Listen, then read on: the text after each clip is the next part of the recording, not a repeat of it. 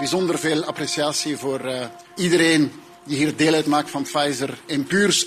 We hebben vaak gesproken over de coronahelden.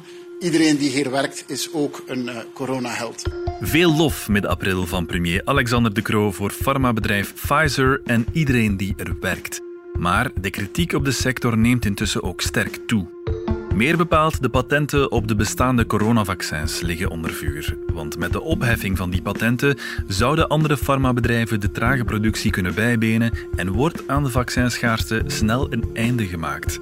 Maar dat is makkelijker gezegd dan gedaan, zo blijkt. Want niet enkel de farmabedrijven, maar ook de politiek ziet dat niet zitten. Maar waarom? Het is maandag 3 mei, ik ben Niels de Keukelare en dit is vandaag de dagelijkse podcast van de Standaard.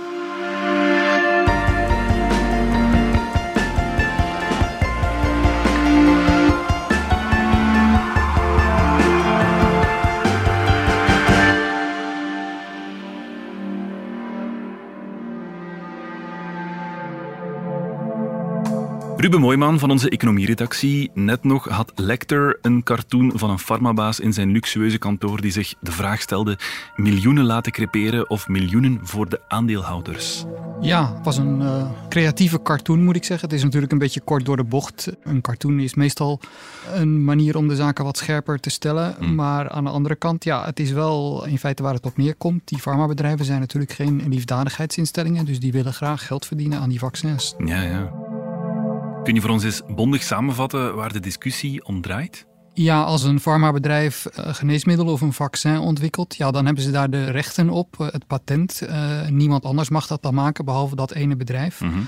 En nu ja, is de vraag of dat eigenlijk wel een rechtvaardige manier is om die vaccins over de wereld te verspreiden. Mm, ja, dat is nu specifiek door de coronapandemie dat die vraag zich stelt. Hè? Ja, inderdaad. Uh, normaal gesproken werkt dat systeem goed, maar nu is er een enorme grote vraag naar die vaccins natuurlijk. En uh, dus wordt de vraag gesteld of die patenten niet opgeheven moeten worden om het mogelijk te maken dat die productie opgevoerd wordt. Mm -hmm. Wie is daar een vragende partij van, van die vrijgave? Wel, de eerste vraag is eh, gekomen van twee landen, India en Zuid-Afrika die uh, al voorzagen dat zij achteraan in de rij zouden komen. En zij hebben die vraag gesteld. Naderhand, verschillende landen hebben zich daarbij aangesloten, tientallen ontwikkelingslanden eigenlijk. Mhm. En nu zie je dat die vraag ja, veel meer steun krijgt, ook van prominenten. Er is een eh, open brief geweest van uh, voormalige regeringsleiders zoals ja, ja. François Hollande en Nobelprijswinnaars zoals Joseph Stiglitz. Mhm. Dus ja, die vraag klinkt steeds luider nu eigenlijk.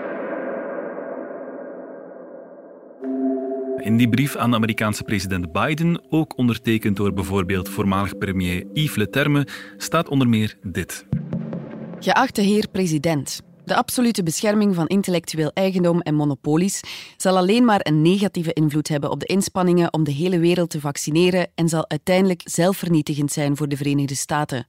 Als het virus vrij mag blijven rondzwerven in de wereld, zullen mensen in de Verenigde Staten, ook als gevaccineerd zijn, nog steeds worden blootgesteld aan nieuwe varianten van dat virus. Doe dus alsjeblieft dringend wat u alleen kunt. En laat dit moment in de geschiedenis herdacht worden als het moment dat we ervoor kozen om het collectieve recht op veiligheid te laten primeren op de commerciële monopolies van enkele. Ik ga het cru stellen. Jaarlijks zijn we in staat om 5 miljard vaccins te produceren, inclusief de griepvaccins. Als we de hele wereldbevolking tegen COVID-19 willen beschermen, hebben we 10 tot 14 miljard dosissen nodig. De patenten vrijgeven, al is het maar tijdelijk, lijkt me essentieel om te kunnen opschalen, want zo zouden andere producenten mee op de trein kunnen springen. En dan krijgen we ja, die witte producten, zeg maar. Ja, dat klopt. Als de patenten worden vrijgegeven, dan mag in principe iedereen die vaccins maken. En dan krijg je dus een situatie waarin je het officiële merkproduct kunt kopen van Pfizer of AstraZeneca. En daarnaast een witte versie, een generieke versie, zoals dat dan in de farma-industrie heet van een naamloze producent die mhm. in principe even goed werkt als het officiële middel. Ja, dus die patentopheffing kan in principe tijdelijk, als ik het goed versta.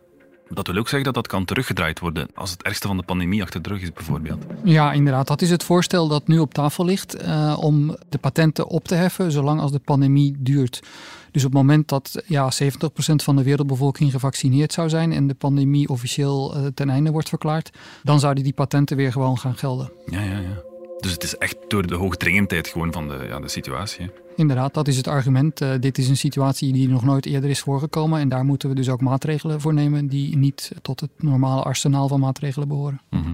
Dat India vragende partij is, is natuurlijk geen toeval. Want je ziet dat dat land nu enorm zwaar getroffen wordt door de pandemie. Uh, daar zijn heel veel slachtoffers uh, aan het vallen. Mhm. Voor India is het heel belangrijk dat die vaccinproductie wordt opgevoerd. Mhm. As we expected, these numbers have gone up and they will probably continue to go up at least for several days, perhaps even a few more weeks.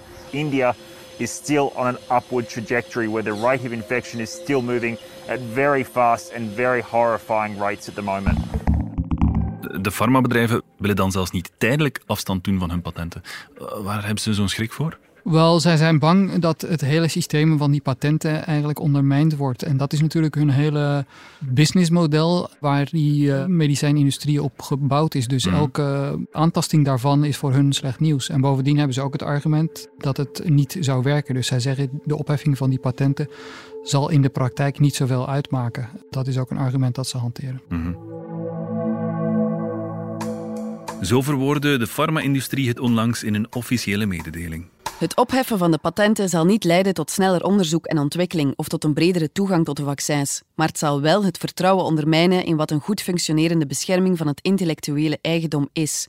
Dat onze industrie met vertrouwen kan samenwerken met de academische wereld, onderzoeksinstituten, stichtingen en andere privébedrijven, wat dan weer de ontwikkeling versnelt van nieuwe medicijnen die de wereld nog zal nodig hebben.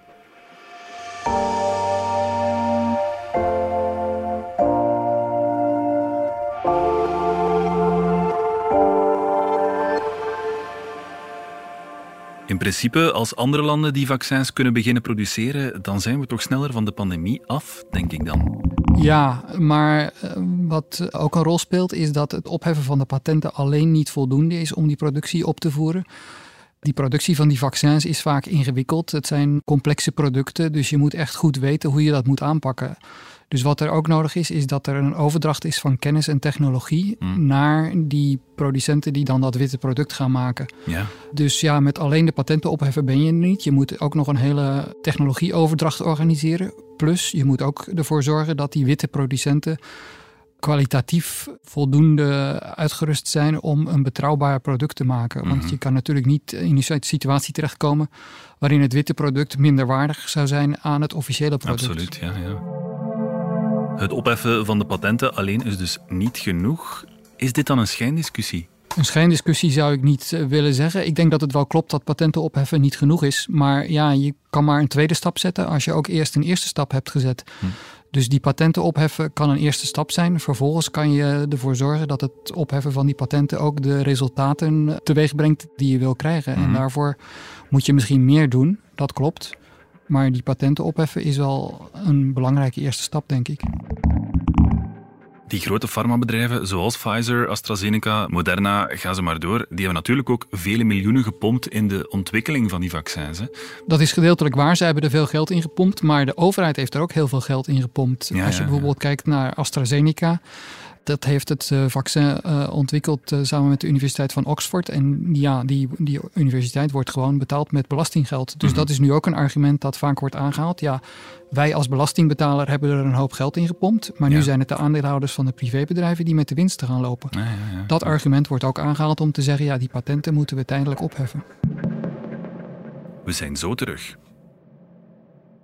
Download nu ook DS Podcast, de nieuwe podcast-app van de Standaard. Met nieuwe meeslepende journalistieke reeksen, waaronder Complot tegen de waarheid. Een podcast over complottheorieën en waarom ze zo verleidelijk en actueel zijn. Ook selecteren onze redacteurs voor jou elke week eigenhandig op de hartslag van de krant de beste podcasts uit de lage landen en ver daarbuiten. Naast al je persoonlijke favorieten ontdek je dus ook verborgen parels en inspirerende verhalen. Niet alleen meer van hetzelfde, maar juist ook meer van wat anders. Daar kan geen algoritme tegenop. Download de app nu gratis. Ruben, wie beslist dat finaal of die patenten op de coronavaccins worden vrijgegeven? Het eh, orgaan dat dat finaal beslist is de zogenaamde TRIPS-raad. Dat is een organisatie binnen de Wereldhandelsorganisatie. Waarin alle landen van de wereld vertegenwoordigd zijn en die onderling overeen moeten komen over de toepassing van patentrecht, mm hoe patentrecht wereldwijd wordt toegepast. Ja. Welke landen houden de vrijgave van de patenten dan tegen? De landen die dat tegenhouden zijn alle westerse landen. Dus de Europese Unie houdt het tegen, de Verenigde Staten houden het tegen, Zwitserland houdt het tegen, Japan. Mhm. Alle landen eigenlijk die een belangrijke farmaceutische industrie op hun grondgebied hebben. Want zij zijn bang dat ja, de positie van die industrie wordt aangetast door het opheffen van die patenten. Ja, beweegt dat dossier? Want er is heel wat polemiek rond op dit moment. Wel, um, er wordt veel over gepraat. In die zin is er wel beweging. In die uh, TRIPS-raad die daar dus over moet beslissen, komt regelmatig bijeen. Is al een keer of acht, denk ik, bijeengekomen om over die kwestie te praten. Tot nu toe is er sprake van een padstelling. Dus de voorstanders en de tegenstanders blijven allebei in hun loopgraaf uh, zitten, om het zo maar te zeggen. Maar nu recentelijk ja, lijkt er toch wel wat beweging in te zitten. In die zin dat vooral de Verenigde Staten een, een bocht aan het nemen lijken te zijn. Die zeggen van ja, we moeten misschien toch eens nader kijken naar de mogelijkheid om die patenten op te heffen. Dus in die zin zit er beweging in. De Europese Unie meent dat er vandaag voldoende flexibiliteit bestaat in de huidige internationale wetgeving, zoals het tijdelijk opheffen van octrooirechten via dwanglicenties of een vrijwillig delen van kennis via de COVID-19 Technology Access Pool van de Wereldgezondheidsorganisatie. De realiteit is evenwel dat de bestaande flexibiliteit daarin niet gebruikt is. Volgens een schatting gebaseerd op cijfers van UNICEF draait de wereldproductie op 42 procent van de volledige capaciteit. We hebben dus nog een hele weg te gaan. Dat was minister van Ontwikkelingssamenwerking Mirjam Kittier van Vooruit donderdag in de Kamer. Zij is zelf voorstander van het tijdelijk vrijgeven van patenten, maar het officiële standpunt van de federale regering is iets omslachtiger. Namelijk, de coronavaccins moeten een global public good worden via tijdelijke technologieoverdracht, verplichte licenties om ter plaatse te produceren, patentpooling en vaccine sharing platformen. Vanuit een humaan perspectief en zelfs vanuit welbegrepen eigenbelang willen we dat het vaccin overal zo snel mogelijk geproduceerd kan worden en beschikbaar is. Ja, het is een hele boterham, hè. Wel, het is uh, eigenlijk een compromisstandpunt. Want wat je daar niet in leest is, moeten die patenten nu opgegeven worden of niet? Um, er wordt gesproken over allerlei andere technologieën, bijvoorbeeld verplichte licenties, die ook voorzien zijn in de Wereldhandelsorganisatie. Die verplichte licenties, dat betekent dat een uh, fabrikant van vaccins, bijvoorbeeld Pfizer of AstraZeneca, verplicht wordt om een licentie toe te kennen aan een andere fabrikant, bijvoorbeeld in India of Zuid-Afrika, mhm. zodat die daarmee aan de slag kunnen. En de Europese Unie hanteert ook al lang het standpunt dat die regel volstaat om de productie op te voeren. Mhm. Alleen ja, gebeurt het tot nu toe niet. Er zijn eh, geen of weinig dwanglicenties toegekend. Mhm. Dus de voorstanders van de patentopheffing zeggen ja, eigenlijk krijg je alleen maar die productie goed op gang door die patenten gewoon op te heffen. Ja, dus als je een licentie geeft, dan blijft het in principe wel het product van de farmabedrijven. Klopt, inderdaad. Ja. En een licentie is eigenlijk de toestemminggeving aan een onderaannemer om jouw product te maken, zodat je de productiecapaciteit opvoert, maar wel de controle blijft behouden.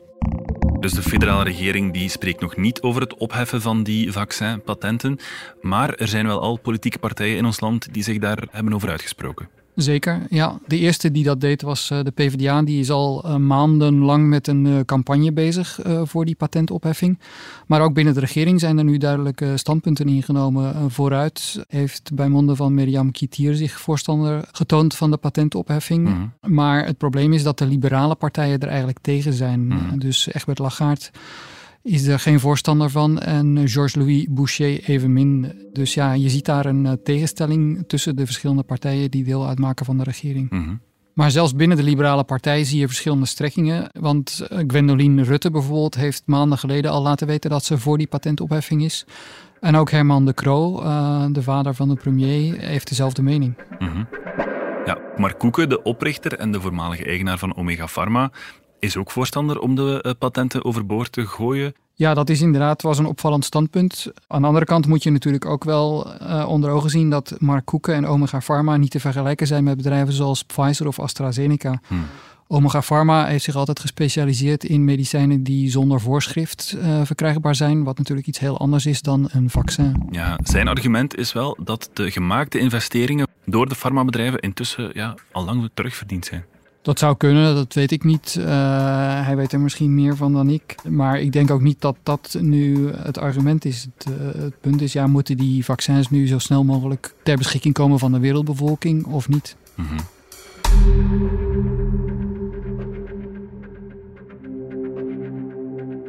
Ja, intussen kennen we de echte prijzen die we betalen voor de vaccins niet. Maar wat we wel weten is dat ze duurder worden. Pfizer zou zijn prijzen inderdaad stelselmatig verhogen, blijkt uit uh, indiscreties van verschillende um, regeringen.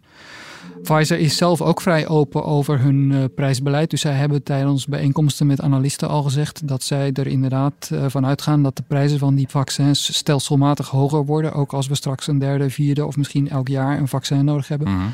Dat ze er dan gewoon veel geld mee kunnen verdienen. Ja, daar zijn ze vrij open over. Ja, dat is toch heel opportunistisch ook, denk ik. Hè? Ja, het zijn natuurlijk wel winstgedreven bedrijven. In die zin, uh, ze hebben aandeelhouders die natuurlijk een rendement willen op hun investering. Ja, het zijn geen caritatieve ondernemingen natuurlijk. Stel dat de patenten toch worden opgeheven, dan zakken de prijzen wellicht? Je krijgt dan meer concurrentie. De prijzen zullen dan waarschijnlijk lager zijn, want die witte producten zijn over het algemeen goedkoper dan de officiële geneesmiddelen. Dus inderdaad, uh, ja, dat, dat zal voor meer concurrentie zorgen, ongetwijfeld. Ja, de hele discussie toont wel de macht van de farma. Hè? Inderdaad, inderdaad, dat wordt ook vaak gezegd dat die macht veel te groot is en dat er achter de schermen allerlei lobbywerk plaatsvindt en dat dat ook een deel van de verklaring is van de houding van de Europese Unie. Mm. Uh, dat zij veel te veel luisteren naar die grote farmabedrijven. Mm. En te weinig naar ja, de coronapatiënten, om het zo maar te zeggen. En, mm. en je zag dat nog uh, heel mooi. Vorige week is Ursula von der Leyen, de voorzitter van de Europese Commissie, op bezoek geweest bij Pfizer in Puurs. En uh, ja, daar zag je dat er toch hele goede banden zijn, hele goede relaties tussen Pfizer en de commissie. En Pfizer geeft dat zelf ook toe, uh, dat ze hele goede contact hebben met uh, von der Leyen. Mm -hmm. I would like to thank the workers of this manufacturing site for their extraordinary efforts we were witnessing when they were telling us about it, for working round the clock since many, many months to produce vaccines for Europe and for the rest of the world. This place is also a symbol for the European Union's fairness and openness. Hoe komt het dat de farma zoveel macht heeft? Wel, de farma is natuurlijk een hele belangrijke economische sector in Europa. Daar wordt heel veel uh, geld verdiend. Daar werken ook heel veel mensen. En ja, Europa is er trots op dat zij op farmaceutisch gebied toonaangevend zijn. En dat wil uh, Europa graag zo houden. Dus uh, mm-hmm. ja, in die zin is het ook wel logisch dat die farmabedrijven van zich laten horen. Dat klopt. Maar ja. je kan je wel afvragen of die relatie nog gezond is. Ja, denk je dat er bij de farmabedrijven zelf een soort bewustzijn groeit nu van de problematiek? Dat ze misschien toch de hand moeten reiken of zo? Ja, daar wordt ook verschillend over gedacht binnen de farmasector. Pfizer maakt uh, er geen geheim van dat ze er gewoon een winstgedreven model van willen maken. Maar er zijn ook farmabedrijven die hebben gezegd: zolang de pandemie duurt, hoeven wij daar geen geld mee te verdienen. Dat doen we eventueel later wel, maar niet tijdens de pandemie. Dat mm. vinden we niet, uh, niet ethisch.